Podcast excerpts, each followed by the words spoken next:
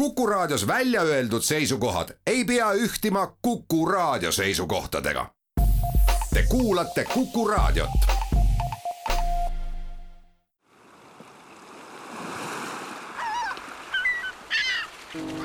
meretund meretundi toetab Tallinna Sadam.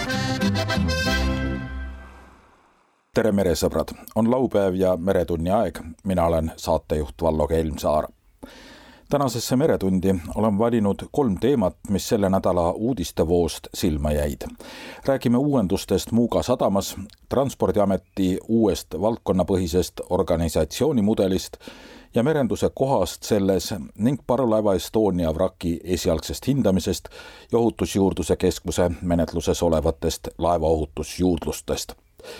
Sel teisipäeval tuli Rootsist teade, et tänavu suve algul on plaanis üles tõsta tuhande üheksasaja üheksakümne neljandal aastal uppunud parvlaeva Estonia vööriramp ja Rootsi valitsus on eraldanud selleks kakskümmend viis miljonit Rootsi krooni. võis jääda mulje, et kuigi uurimise juhtriik on Eesti, on rootslased asunud omapäi tegutsema.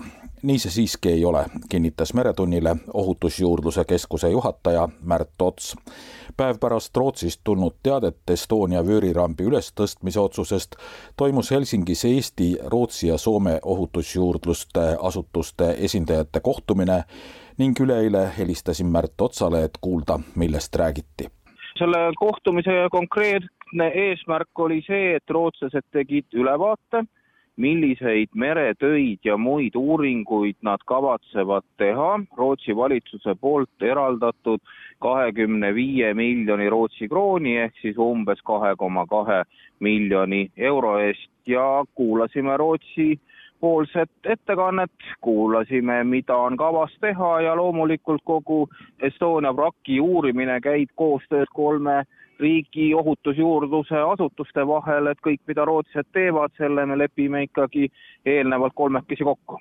ehk siis see ei tähenda seda, et Rootsi oleks justkui juhtrolli Eesti käest üle võtnud? ei, absoluutselt mitte, et kuna rahastamine toimub erinevatest allikatest ja loomulikult kuna seda finantseerib Rootsi riik, siis Rootsi riigi poolt finantseeritavaid töid peabki eelkõige koordineerima nende ohutusjuurdluse asutus, aga see ei tähenda absoluutselt, et koostööd ei toimu, Eesti on endiselt juhtriik ja kõik tööd, mis tehakse, toimub koordineeritult. kuidas praegu Eesti-poolse rahastamisega on? Eesti-poolse rahastamisega on nõnda, et tulenevalt nüüd Rootsi poolt tehtavatest töödest me hakkame ette valmistama taotlust järgmise aasta projekti rahastamiseks. Et enne seda me seda teha ei saanud, sellepärast et ei olnud täpselt teada, milliseid töid õnnestub teha. järgmise aasta projekti rahastamiseks, kas see tähendab aastat kaks tuhat kakskümmend neli? jaa, see tähendab ikkagi aastat kaks tuhat kakskümmend neli, et kuna meretööd viiakse läbi ju sellel aastal, siis selle taga, selle tulemusena saab siis kindlaks teha ja paika panna, milliseid töid veel on vaja teha, nii et jah, me räägime ikkagi kahekümne neljandast aastast. ja tänavuse aasta, aasta kaks tuhat kakskümmend kolm tööd on kõik need, mida rahastab Rootsi riik? ei, Eestil on siin ka ikkagi omajagu töid teha, kõigepealt toimub ju edasi Tallinna Tehnikaülikooli poolt tehtav töö, kus siis modelleeritakse laeva põrkumist või laeva uppumist vastu merepõhja, see töö on veel teostamisel, siis meiepoolne ülesanne on kõik rambiga seotud tööd, kuna ramp ju teatavasti tuleb Eestisse, siis tuleb ta hoiustada, teda tuleb uurida, analüüsida, need tööd on Eesti finantseerimisel.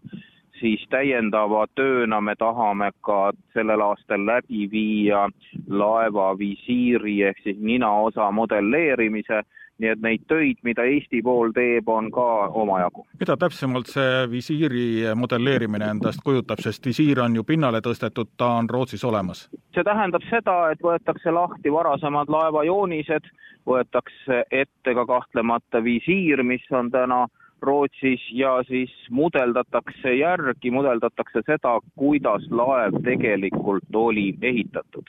sest teatavasti oli ju on olemas laeva projektjoonised, on olemas tegelik laev, kuidas ta ehitati ja selle modelleerimise eesmärgiks ongi ikkagi läbi analüüsida see, kas tegelikult laev vastas ka projektile. aga nüüd siis järgmine etapp, nagu ma aru saan, on lähiajal, ütleme, kas võib juba öelda, et lähikuudel plaanis see ramp pinnale tõsta, see on nüüd kõige lähem aja töö? jaa, see on kõige lähem aja töö ja eile sai rootslaste, soomlastega ajakava arutatud ja ajakava võiks siis olla juuni-juuli sellel aastal. Milliseid töid sellel aastal veel on plaanitud merel teha või on rambi pinnale toomine ainult üks konkreetne operatsioon ja midagi muud sellega rohkem ei kaasne? ei, rootslastel on ikkagi või ütleme, meil koostöös ja Rootsi finantseerimisel on kavas ka laeva autoteki filmimine, samamoodi kui ramp üles tõstetakse, võib-olla õnnestub seal paremini filmida ka rambitaguseid alasid, võib-olla saab veel paremini laeva muid osasid filmida, nii et äh, laeva vraki filmimine on ka väga tähtis töö, mida me saame sellel aastal teha.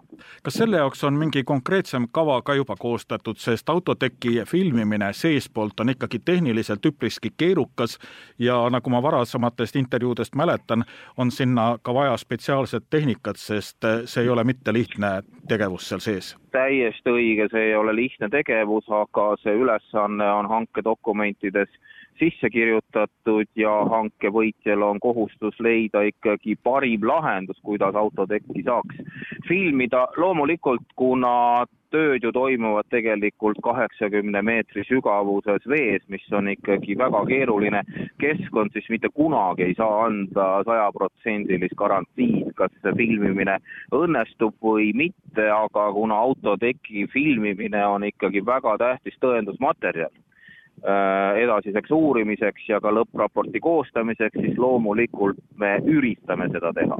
Ja eesmärk on see ikkagi läbi viia kuidas on praeguste plaanide järgi ferromagneetiliste uuringutega, ehk siis üks eesmärk oli ka see, et teha täpsemalt kindlaks see laeva nii-öelda uppumise teekond hetkest, kui visiir ära langes, aga võib-olla ka juba mõnest varasemast hetkest, vaadata, mis on merepõhjas olemas, missugused märgid viitavad laeva liikumisteekonnale.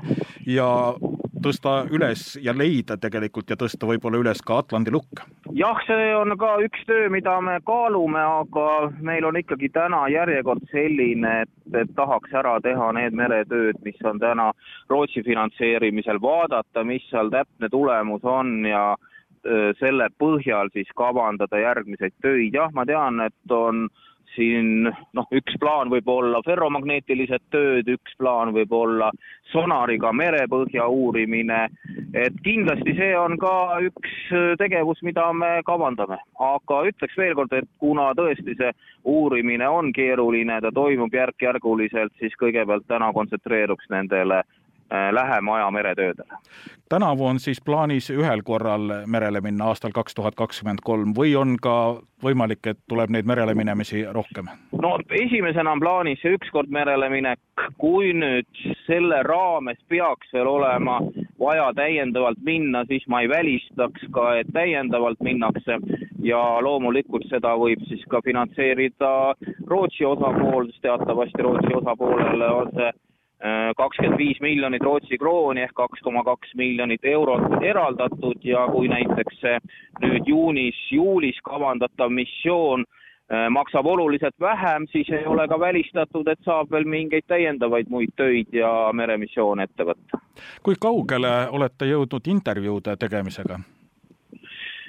jään nüüd konkreetselt vastuse võlgu, aga see töö on meil küll väga aktiivselt käsil Tauri Roosipuu, kes on meil Estonia projekti raames äh, palgale võetud, kes sellega tegeleb, on aktiivselt töös, ta on teinud nii mitmeid välisintervjuusid kui ka kodumaiseid intervjuusid, ma ei oska siin kohe peast seda täpset numbrit öelda, võin küll öelda, et intervjuude tegemine päris aktiivselt praegu toimub.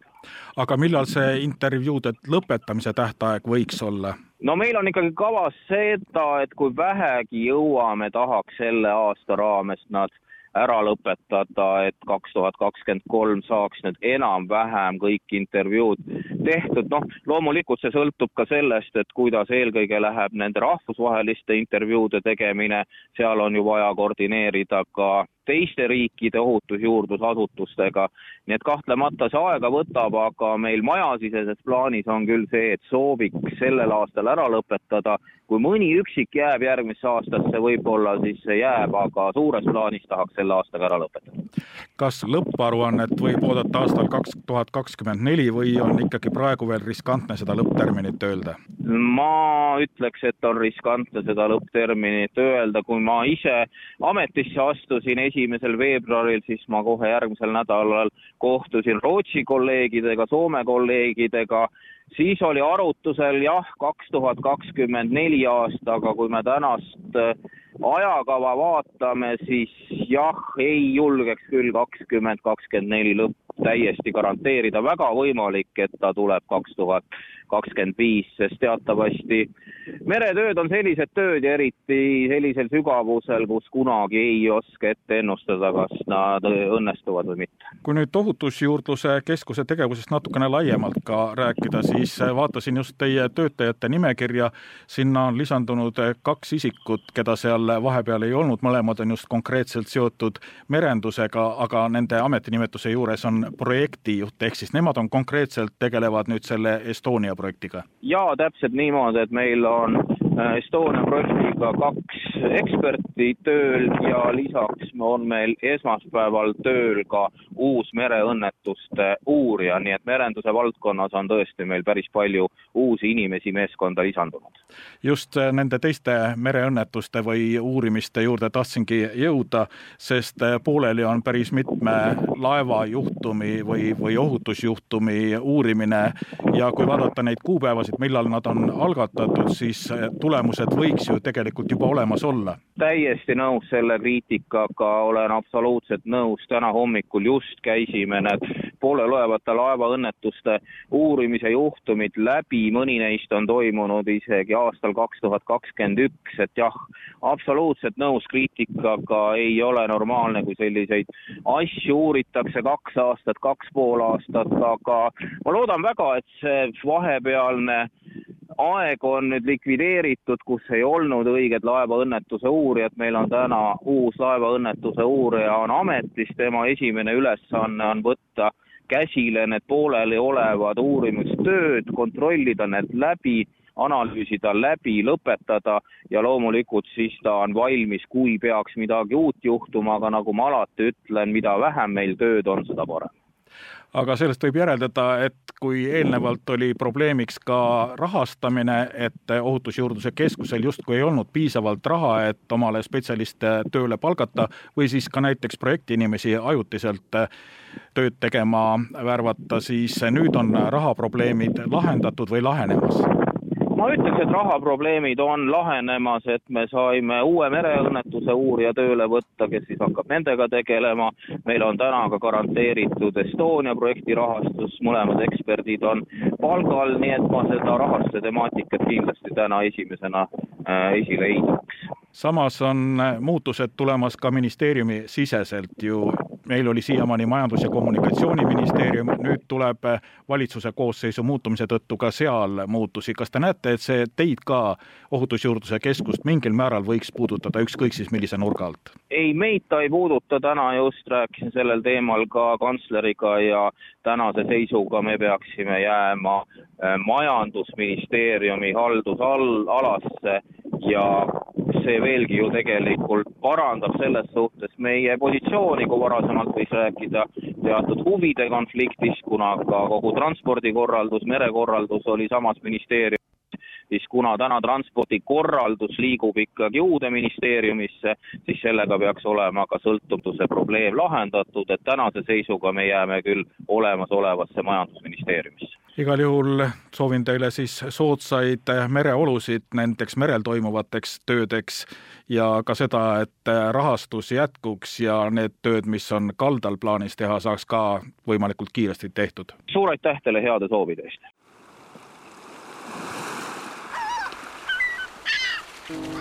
Meretund.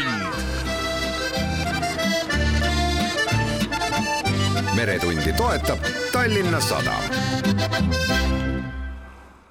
jätkame Meretundi teatavasti alustas kahe tuhande kahekümne esimese aasta esimesel jaanuaril tööd Transpordiamet, mis loodi Lennuameti, Maanteeameti ja Veeteede Ameti ühendamisega.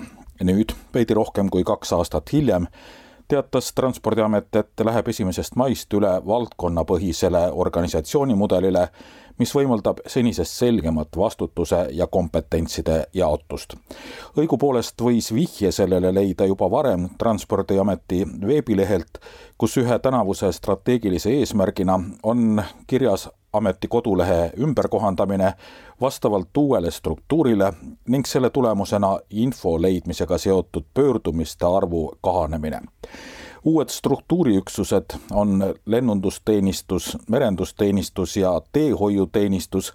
Nende kolme teenistuse juhtide leidmiseks korraldati konkurss ja merendusteenistuse direktoriks valiti Kristjan Truu, kes praegu töötab Transpordiametis laevanduse ohutuse ja järelevalve osakonna juhatajana. Püüdsin temalt uurida, millistes konkreetsetes olukordades senine struktuur end siis ikkagi ei õigustanud transpordiameti juhtkonnas oleme vaadanud üle siis eelmiste muudatuste tulemid ja, ja kohad, mida saab parendada ning äh, näha on, et praegune struktuur ja vastutusjaotus ei ole just kõige selgemad. et teenused ja ülesanded on killustatud erinevate üksuste ja, ja teenuste vahele äh,. madal rahulolu nii meie enda töötajate ka koostööpartnerite seas ja edaspidi plaanime siis äh, liikuda valdkonnapõhise lähenemise juurde tagasi ning viime teenused ja järelevalve valdkondadesse tagasi ja oluline on, et teenuse elukaar oleks ühes kohas. ja Transpordiamet on äh, täna kolmes suures valdkonnas äh, kompetentsikeskus ja, ja oluline on meie jaoks selles suunas ka jätkata. ja edaspidi meie eesmärk on luua struktuur, mis toetab Transpordiameti töötajate tegevuste ja eesmärkide elluviimist parimal moel ning olla ka heaks koostööpartneriteks teistele asutustele ja ettevõtetele. no eks te seda püüdsite ka senimaani, aga mingeid puudusi või puudujääke ikkagi ilmnes, et eh, võite mõne konkreetse juhtumi ka näiteks nimetada? no meil on eh, koostööpartnerid, eh, on välja toonud mõnes kohas just selle infokanalite küsimuse kodulehe kujul, kus konkreetses valdkonnas orienteerumine on, on keeruline, et et ühes kohas on mitme valdkonna info kokku toodud. ja on seda õiget infot võib-olla raske üles leida, aga see ei peaks olema nüüd otseselt ka struktuurimuutuse põhjus? ei, see ei ole kindlasti äh, struktuurimuutuse põhjus üksi, et see on äh, pigem e-kanalite kaudu lahendatav, küll aga mis jah, struktuuri puudutab, siis äh, nagu ka välja tõime, et et ka koostööpartnerite jaoks on, on oluline, et on valdkondlikud kontaktid olemas kuhu poole siis äh, pöörduda ja, ja, ja ka see on üks põhjuseid, miks, miks need muudatused ellu, ellu viiakse, et, et minna tagasi siis äh, kompetentsipõhise äh, juhtimisstruktuuri juurde tagasi kui ma nüüd natukene fantaseerin, ma ei väida, et asi nii oli, aga piltlikult öeldes võiks siis ju öelda ka, et selle praeguse struktuuri juures pidi üks inimene tegelema nii laevade kui autodega või siis teistpidi nii meremärkidega, poide, toodrite, tuletornidega kui ka valgussooridega jah, eks see on äh, pisut võib-olla utreeritud, aga, aga suures pildis ta, ta niimoodi oli, jah. nii, aga milline nüüd hakkab olema uue merendusteenistuse struktuur, ehk siis seal on ka ilmselt ikkagi mingid allüksused. kas ta läheneb sellele, mis oli kunagi Veeteede Ametis? no täna me ikkagi vaatame Transpordiametit ja Transpordiametis äh, uut merendusteenistust kuhu alla siis alates esimesest maist äh, kuulub kartograafia osakond, mis tegeleb meil navigatsioonikaartide koostamisega ning äh, navigatsioonihoiatuste avaldamisega. lisaks kuulub sinna alla hüdrograafia osakond, mis tegeleb äh, veesügavuste mõõdistamisega, siis meil on seal laevaliikluse juhtimisosakond, mis tegeleb laevaliikluse korraldamisega Soome lahel Eesti vastutusalas ning lisaks siis laevaliikluse korraldamine Eesti rannikuvetes siis meil tuleb äh, uude merendusteenistusse laevandusosakond, mis siis saab koosnema kahest üksusest, et meil on laevade üksus ja on väikelaevade üksus. lisaks äh, tuleb uude teenistusse laevateede ja sadamate osakond, kus siis äh, saab olema nii laevateede üksus kui ka sadamate üksus ja lisaks meremeeste diplomeerimise osakond. ja samuti alates esimesest maist liiguvad merendusteenistusse laevastiku osakond, kuhu täna siis kuuluvad äh, Transpordiameti laevad ja navigatsioonimärgistuse osakond. ja need kaks viimast osakonda siis liiguvad esimesest äh, juulist äh, riigilaevastikku. see riigilaevastiku loomine on tõesti esimese juuli peale planeeritult. kas see muudab teie jaoks, just pean silmas siis Transpordiametit ja merendusteenistust, midagi ka sisuliselt, eelarve ilmselt tehakse ringi ju? No nagu ma ütlesin, et riigilaevastiku jah, käivitamine siis esimesest juulist toob kaasa nii laevade kui ka navigatsioonimärkide ülemineku siis Transpordiametist ja edaspidi tegeleb Transpordiameti laevateede osakond siis navigatsioonimärkide planeerimisega ja, ja, ja siis koordineerimisega ning tellib riigilaevastiku käest navigatsioonimärkide paigaldamise Eesti merealadele ja sisevetele.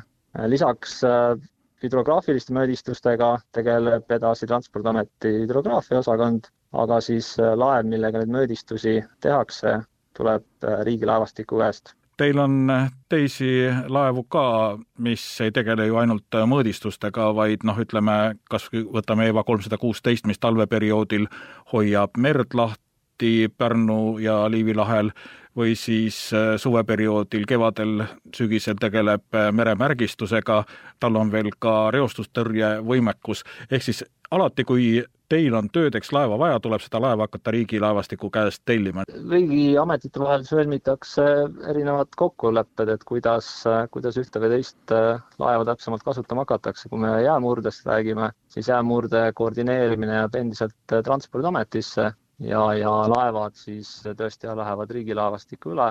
Äh, nüüd, äh, kui me jah, jäämurdest äh, veel edasi räägime, siis kui, kui laevad on, on jäämurde perioodil siis antud kasutada jäämurde koordinaatorile, siis selle jaoks nad siis tollel hetkel ette nähtud ongi jah, et kui on vaja nüüd konkreetset töid tegema hakata, et siis antakse korraldus jäämurde koordinaatori poolt, kes asub Transpordiametis. mis jah, aga puudutab siin ähm, äh, reostuse likvideerimist, siis sellega tegeleb ja koordineerib alates esimesest jaanuarist meil äh, merevägi just, kuhu läks üle Politsei- ja Piirivalveameti neli laeva. aga üks muudatus, mis on veel tulemas ju seoses riigilaevastiku moodustamisega, puudutab ka uute laevade tellimist riigile. senimaani tegeles Transpordiamet selle uue parvlaeva tellimise ettevalmistusega. kui kaugele selle tööga on jõutud? just äh, nagu te ütlesite, et äh, senimaani on tegelenud Transpordiamet sellega, samamoodi need kohustused alates esimesest juulist lähevad riigilaevastikku üle aga tänaseks oleme nii kaugel, et tegeletakse veel viimaste detailidega ja osapooltega kohtumistega, et kokku panna uue laeva tehnilise kirjelduse viimased detailid. nüüd edasi on planeeritud äh, klassifikatsiooniühinguga kontseptsiooni valideerimine ja ehitusleping on planeeritud sõlmida kaks tuhat kakskümmend kaks, kaks tuhat kakskümmend kolm aasta teisel poolaastal ja hetkel on laeva valmimine planeeritud äh, kaks tuhat kakskümmend kuus aasta esimesse poolde. Ehk siis see töö, mis puudutab äh, laeva disaini, milline ta välja hakkab nägema, ma ei mõtle küll nüüd äh, ruumikujundust ja nii edasi, aga ütleme, põhimõttelisi punkte, mille tegi eelnevalt ära ka ettevõte TS Laevad, see on nüüd teie poolt lõpule viidud. kui palju te TS Laevade tehtud tööd saite kasutada?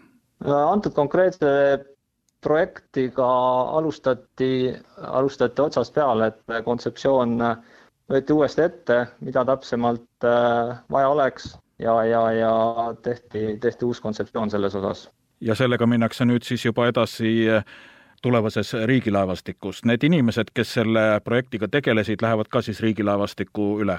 ja needsamad äh, projektijuhid, kes meil sellega tublit tööd on teinud, nemad lähevad ka esimesest juulist riigilaevastikku üle just kuidas te näete neid muudatusi, mis teid tõenäoliselt ju ka ees ootavad seoses valitsuse struktuuri muutustega, ehk siis enam ei ole Majandus- ja Kommunikatsiooniministeeriumi ja kogu transpordivaldkonnaga, kui ma nüüd õigesti olen aru saanud, peaks hakkama tulevikus tegelema Keskkonnaministeerium või Kliimaministeerium või Keskkonna- ja Kliimaministeerium, mis iganes ta nimeks ei saa? Jah, ta meil ametile võib mingeid muudatusi kaasa tuua, aga, aga täna me ei, ei oska ette näha ja ei tea, mis need muudatused olla võivad. et kolm valdkonda endiselt äh, on, on riigi jaoks ju olulised, nii merendus, lennundus kui ka, kui ka maanteede pool, et, et, et äh, ega valdkonnad jah, kuskile ära ei kao ja need kompetentsid ka avalikus sektoris peavad kindlasti jääma. Kui vaadata merendusteenistuse tänavust tööplaani või töökava, merendusteenistus alles hakkab tööle, aga ma usun, et mingid plaanid on tehtud siis eelnevalt juba, et mis on tänavuse aasta olulisemad teemad ja ülesanded? merendusteenistus jätkab juba täna täna olemasolevate üksuste ülesannete täitmisega, kaasa arvatud jätkame hüdrograafiliste mõõdistustega, nagu oleme planeerinud. Äh, lisaks on meil siin infosüsteemide arendused pooleli, millega soovime jõudsalt edasi liikuda ja nagu sai jah öeldud, et siin osad kohustused lähevad üle riigilaevastikku ja seal on vaja sõlmida siis koostöölepped, et kuidas kuidas me sünergias saame, saame koos neid äh, teenuseid ilusti edasi pakkuda. Nende lepete projektid või eelnõud on juba valmis, olete te neid näinud? Äh, nende eelnõudega me tegeleme just ja, ja enne esimest juulit äh, peavad need detailid ka paigas olema, kuidas edaspidi koostöö toimuma hakkab. kuidas Transpordiameti merendusteenistus seda edasist koostööd ette kujutab, mida teie tahaksite, et kuidas see oleks? no meie jaoks on kindlasti oluline, et et see maht, mis me oleme siiani saanud kas või möödistuste osas, saame ka edasi jätkata. Samamoodi äh, peavad saama kõik äh, navigatsioonimärgid siin õigeks ajaks vette, kui meil hooaeg hakkab ja samamoodi sügisel, kui hooaeg äh, lõpeb, et siis need märgid ka välja saama. ehk siis, et need tänased teenused, mida, mida, mida on Transpordiamet pakkunud ise, omades laevastikku, need oleksid tagatud ka edaspidi näete te siin ka mingit kokkuhoiuvõimalust, sest riigilaevastiku loomise puhul just on väidetud seda, et see on ikkagi kokkuhoidlikum, kasulikum? no riigilaevastiku puhul äh, see kokkuhoiukoht võib, äh, võibki tekkida seal läbi, läbi ristkasutuse, aga selles osas jah, ma ei oska kahjuks rohkem kommenteerida, et et kuidas, äh, kuidas riigilaevastik seal enda tööd korraldama sellisel kujul hakkab, et et, et äh, seda, seda ristkasutust maksimaalselt ära kasutada. no kui mõtleme seniste Transpordiameti laevade peale, siis äh, kas teil on olnud mingitki ristkasutust nende laevade osas, kas mõni teine ametkond on saanud neid mingil muul otstarbel teie käest rentida või siis ka mõnda tööd võib-olla teiega koos teha? Äh, no täna ju, kui me võtame kas või seesama EVA kolmsada kuusteist, kes omab nii jäämurdevõimekust ja kasutatakse jäämurdes, samamoodi on laeva peal suur kraana, millega saab navigatsioonimärgist, märgistust paigaldada.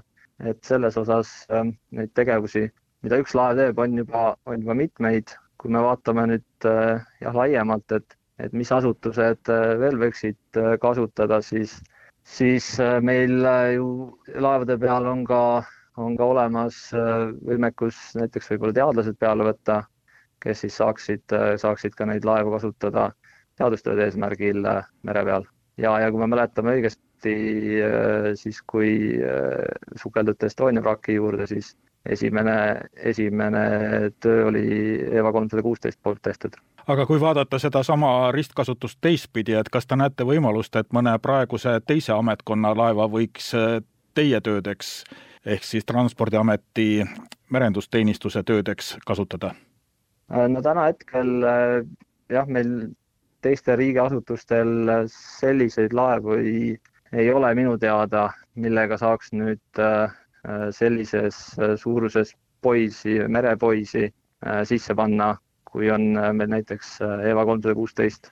küll aga võib tulla kõne alla väiksemate poide paigaldamine siin Eesti merealadel olete te siiani just meretööde puhul tundnud või tajunud seda, et teie laevapargist on väheks jäänud?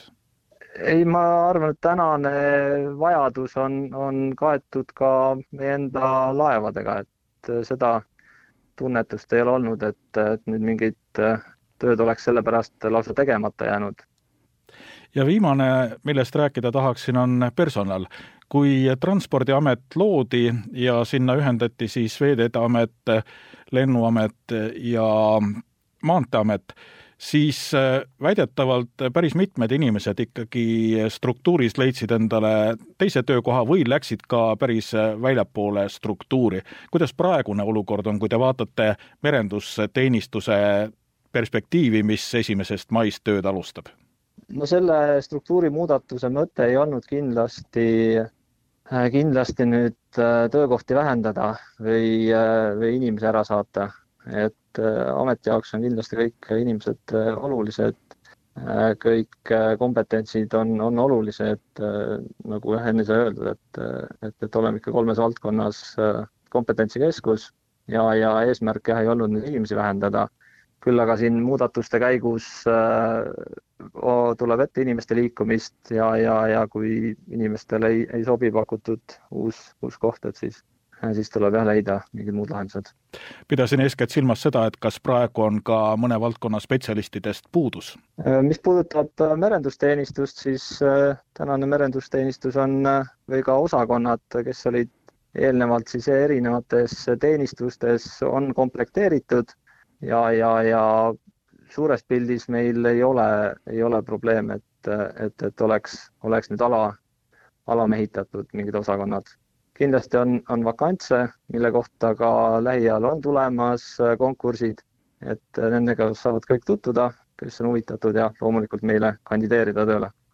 mitmes erinevas punktis hakkavad olema merendusteenistuse töökohad? Äh, asukoha poolest hakkab olema niimoodi, et, et suurem osa merendusteenistuse inimestest asuvad Tallinnas Valge neli aadressil ja, ja, ja siis äh, meil on äh, meremeeste diplomeerimine näiteks, mis äh, hetkeseisuga veel jääb Heli tänavale ja, ja, ja meil on veel väikelaevade poole pealt inimesi, kes on nii Pärnus kui ka Tartus. ja lisaks ka Hundipea sadam? Hundipea sadam jah, nagu ma ütlesin, et esimesest maist kõik laevastik ja navigatsioonimärgist tuleb üle küll aga esimesest äh, juulist siis äh, liiguvad nemad, äh, nemad riigilaevastikku ja siis Hundipea sadamasse enam Transpordiameti inimesi ei jää. aga te mainisite, et esialgu meremeeste diplomeerimine jääb siis sinna, kus ta praegu on, ma saan aru, et selle põhjal, et mingid plaanid on ikkagi, et see kuskile mujale viia? Hetkel konkreetselt, hetkel konkreetseid plaane sellega seoses ei ole, küll aga, küll aga jälgime, kuidas, kuidas sektor ja valdkond seda, seda näeb ja, ja siis äh, juba tehakse edasised otsused, et hetkel kolimisplaane meremeeste diplomeerimise osas veel ei ole. sektor ja valdkond on olnud rahulolematu ju selle praeguse asukohaga? jah, et neid äh, otsuseid tehes me võtame neid arvesse ja, ja, ja siis äh, juba vaadatakse üle, et kas, kas on mõni sobilikum koht ka selle jaoks äh, siin Tallinnas või, või mitte võiksid need otsused tulla veel selle aastanumbri sees või pigem mitte? Äh, hetkel ma ei oskagi seda öelda, pigem mitte, et need otsused nüüd äh, kohe tulevad.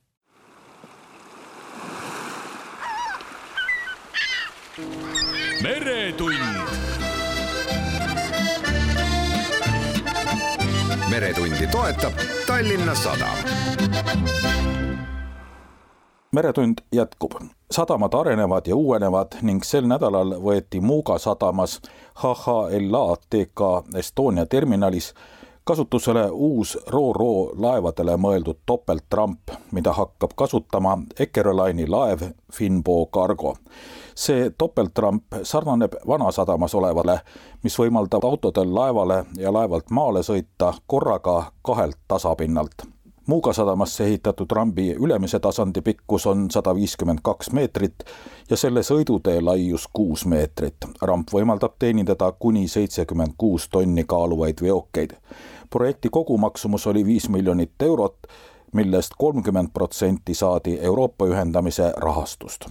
Tallinna Sadama infrastruktuuri divisjoni juht Peeter Nõgu oli see sadama idee, tuli see terminali operaatori poolt või laevafirma poolt üldse? see on kõikide osapoolte koostöös. sadama pikem eesmärk on olnud, et Vanasadamas saada raskeveokid, äh, raskeveokite liiklust äh, kesklinnast välja, ehk siis meie huvi on, et rohkem äh, veoautosid suunduksid Muuga sadamasse ja kuna mõned aastad on juba käimas liin Muuga-Voosaari ja see liin on ennast väga hästi õigustanud ja seal mahud kasvavad, siis sellest tulenevalt tekkis vajadus ka investeerida sinna, et osutada veel paremat ja kiiremat teenust meie klientidele ja autovedajatele. see Muga Voosaari liin on juba aastaid tööl olnud ja seal liikles ka üks Tallinki laev. Siivinud, praegu seda laeva enam Tallinkil ei ole, nüüd on jäänud Eckerö Line'i laev, mis sõidab seda liini, aga kui ammune see idee on, et topeltramp rajada Muugale? topeltrampi ei ole mõtet rajada, kui laeval ei ole sellist võimekust, aga kuna Eckerö Line, kes täna opereerib sellel liinil, omab laeva Finbo Cargo, kus on siis võimalik autosid laadida äh, kahel korrusel korraga, siis sellest tulenevalt sadama opereerimise kiirendamiseks oli nõus siis investeerima ka sellesse, et äh, ehitada sinna nii-öelda teise korruse ramp. kui kaua selline projekt aega võtab? kogu projekt on meil aega võtnud äh, ümmarguselt kaks aastat. me kõigepealt rekonstrueerisime esimese korruse rambi ja nüüd äh, teise korruse rambi projekteerimine ja ehitus võttis ümmarguselt poolteist aastat on need topeltrambid universaalsed või ikkagi peab konkreetset laeva arvesse võtma? Nad on, nad on suhteliselt universaalsed. loomulikult on äh, igal laeval äh, mingisugused eripärad, aga kuna meil on Muuga sadamas Ro-Ro laevad silduvad äh, ahter ees, siis ahter ees sildumisel väga suuri erinõudeid või erilahendusi laevadel ei ole, nii et võib eeldada, et kui peaks tulema mingi laev veel liinile, siis ta saab ka seda rampi kasutada. kui palju neid rambitootjaid maailmas on? rambitootjaid spetsiaalselt, ega keegi valmistoodanguna rampe ei tooda. Need on ikkagi konkreetselt asukohapõhised lahendused, nii et, et seal ei ole tüüplahendust võtta. kus siis praegune Muugal kasutusse võetud ramp pärit on? meilt Eestist, äh, siin valmis tehtud? jaa just, et meil on selles mõttes väga hea meel siin öelda, et Eesti insenerid, projektbürood, S-Consult ja MEC insenerlahendused on selle rambi projekteerinud ja Eesti ettevõte Insenerehitus AS ja metalliosa on siis teinud Seest Metal, et need on kõik Eesti ettevõtted, kes on siis selle äh, rambi suutnud valmis projekteerida ja ehitada kuivõrd on ta ikkagi kasutatav teistel laevadel, ehk siis kui mõni teine laev peaks tulema veel samale liinile, kasutama sama kaid, kas on vaja seal mingeid ümberehitusi teha või näiteks mingeid gabariite muuta? kui laev sildub samamoodi ja kui tal on teise korruse võimekus, ehk siis kui ta sildub ahter ees, tal on võimalus ahtri poolt peale laadida, siis väga suure tõenäosusega see ramp talle ka sobib kui laadimine, laeva lastimine ja, ja tühjaks lossimine läheb nüüd kiiremini, siis kas teie sadama esindajana oskate ka öelda, et kuivõrd see võiks mõjutada laevade sõidugraafikut? jaa, tänu sellele, et me nüüd teise korruse rambi valmis saime, siis see võimaldas meie kliendil Eckeroline'il lisada ühe lisareisi päevas, nii et äh, praegu käib siis Finbo kargolaev Muuga Voosaari vahel kolm korda päevas. ja lisaks ka veel need laevad, mis ikkagi liiguvad ja ka veoseid veavad siis Tallinna Vanasadama kaudu? jah, aga nemad siis jah, veavad äh, Tallinn-Helsingi vahel. et Voosaari ja Muuga on selles mõttes äh, paremas olukorras veoautodele, et kuna nad asuvad linnast väljas ja asuvad äh, linna ümbritsevate ringteede lähemal kui mõelda ikkagi veel selle peale, et veoseid võimalikult palju Tallinna Vanasadamast ära saada, siis millised need võimalused oleks, mida, millele sadam saab kaasa aidata? sadam äh, saabki kaasa aidata sellega, et, et sadam loob siis äh, vastava infrastruktuuri teistesse sadamatesse Ro-Ro laevade teenindamiseks, vastavad reisijate pääslad ja, ja nii edasi.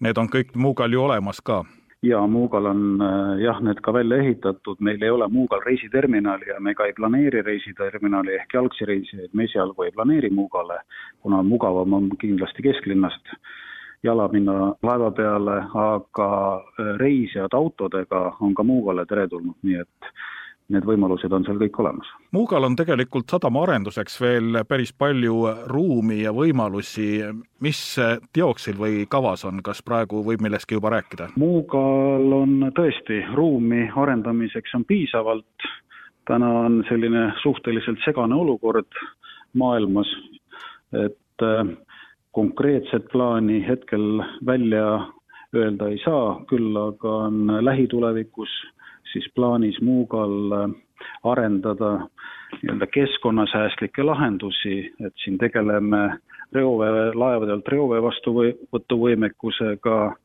hakkame arendama ilmselt ka laevadele kaldaelektri ühendamise võimekust ja nii edasi kaldaelektri võimekus siis ikkagi mõeldud on neid laevu, mis nii-öelda liini sõidavad, sest nendele on seda mõistlikum ja lihtsam teha? jah, praegu on vastu võetamas üks selline seadus, kus siis sadamad on kohustatud võimaldama kaldaelektrisse ühendada reisilaevadel, kruiisilaevadel ja konteinerlaevadel. ja kui Muuga sadamat silmas pidada, siis seal tulevad just need Rooro laevad arvesse? pigem konteinerlaevad, Rooro laevad ka, aga esmajärjekorras praegu hakkame mõtlema konteinerlaevade kaldaelektri ühendamisesse. sest äh, milles on küsimus, küsimus on selles, et, et praegu liinilaev seisab äh, Muuga sadamas nelikümmend viis minutit. toimub siis laevade ühendamine ja täitmine ja sellega nii lühikese ajaga ja kaldaelektrisse ühendamine ei ole otstarbekas, aga need laevad, mis seisavad pikemalt, tulevikus siis üle kahe tunni, siis need laevad peaksid ennast kaldaelektrisse ühendama. milliste kaubaveomahtude puhul on see kaldaelektri võimekuse arendamine mõistlik, sest nii palju, kui ma kuulnud olen, viimasel ajal ikkagi ka meie konteinervedude mahud on siiski vist veidi kahanenud? jah, aga see on sadamatele nüüd ette kirjutatud, et alates kahe tuhande kolmekümnendast aastast, millised kaubamahud ja mitu laevakülastust peab olema, et tekib sadamal kohustus siis äh, selle kaubagrupi jaoks kaldaelektri võimekus äh, välja ehitada. nii et see on äh, ette määratud minimaalsest mahust alates, kus me peame tegema seda ja Muuga sadamas on kõik need mahud kindlasti suuremad, nii et, et see kohustus on kehtiv meile.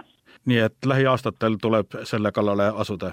kindlasti tänases Meretunnis kõnelesid Tallinna Sadama infrastruktuuri divisjoni juht Peeter Nõgu, Transpordiameti loodava merendusteenistuse tulevane direktor Kristjan Truu ja Ohutusjuurdluse Keskuse juhataja Märt Ots. Nendega vestles Vallo Kelmsaar. järgmine Meretund on eetris nagu ikka nädala pärast. Kuulmiseni